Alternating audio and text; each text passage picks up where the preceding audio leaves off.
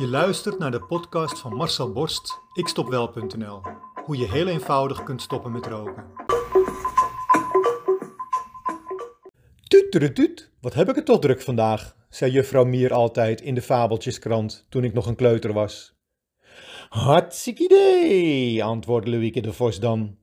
Dan moet je gewoon wat meer rust nemen, net als ik. En hij likte zijn mond af in het grote praathuis. Vandaag voel ik me een beetje als juffrouw Mier.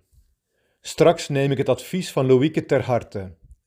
Maar eerst ga ik jou nog even inspireren om te stoppen met roken met deze podcast. Gisteren zag ik het op teletext. Jij misschien ook. Ik kon het eerst niet geloven. Wat's gebeurd? Niet dat Nederland nog rechtser is geworden dan het al was, nee, dat was te voorspellen in deze maatschappij vol egootjes.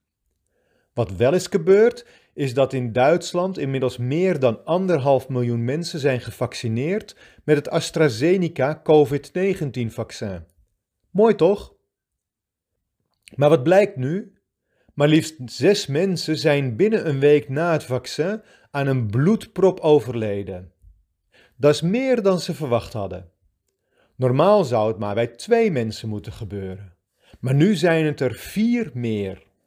Heel Europa is in paniek. Overal worden de vaccinatieprogramma's nu stopgezet. Apart toch? Anderhalf miljoen min zes mensen heeft geen enkel probleem. COVID-19 mag dus nog gewoon een tijdje doorgaan met grote problemen die het veroorzaakt. Het gekke is dat ik van mensen om me heen al heb gehoord dat ze om deze reden dit vaccin helemaal niet willen. En het leukste is dat dit ook nog eens echte die-hard rokers zijn. Echt waar. In Nederland zijn 3,6 miljoen rokers. Dat is zeg maar dik twee keer zoveel als het aantal ingeënte Duitsers. En let op.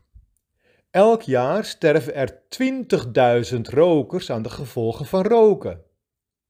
Je zou er 12 verwachten als je het vergelijkt met alle ophef rond het vaccin.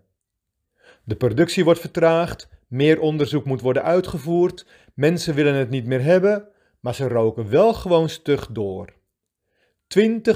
20.000 doden per jaar alleen al in Nederland door het roken.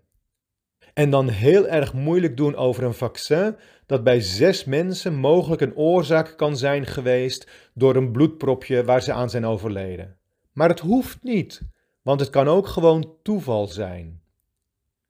Wanneer stoppen we met de productie en de verkoop van tabak?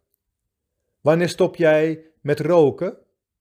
Wanneer zeg jij dat je geen shot nicotine meer wilt hebben totdat duidelijk is dat roken niet tot de dood leidt bij meer dan 20.000 mederokers, alleen al in Nederland?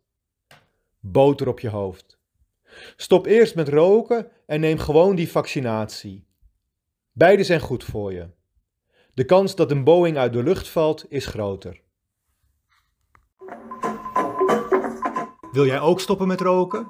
Wil jij jouw rokende collega's van het roken afhelpen? Kijk dan op mijn website ikstopwel.nl en neem contact met mij op.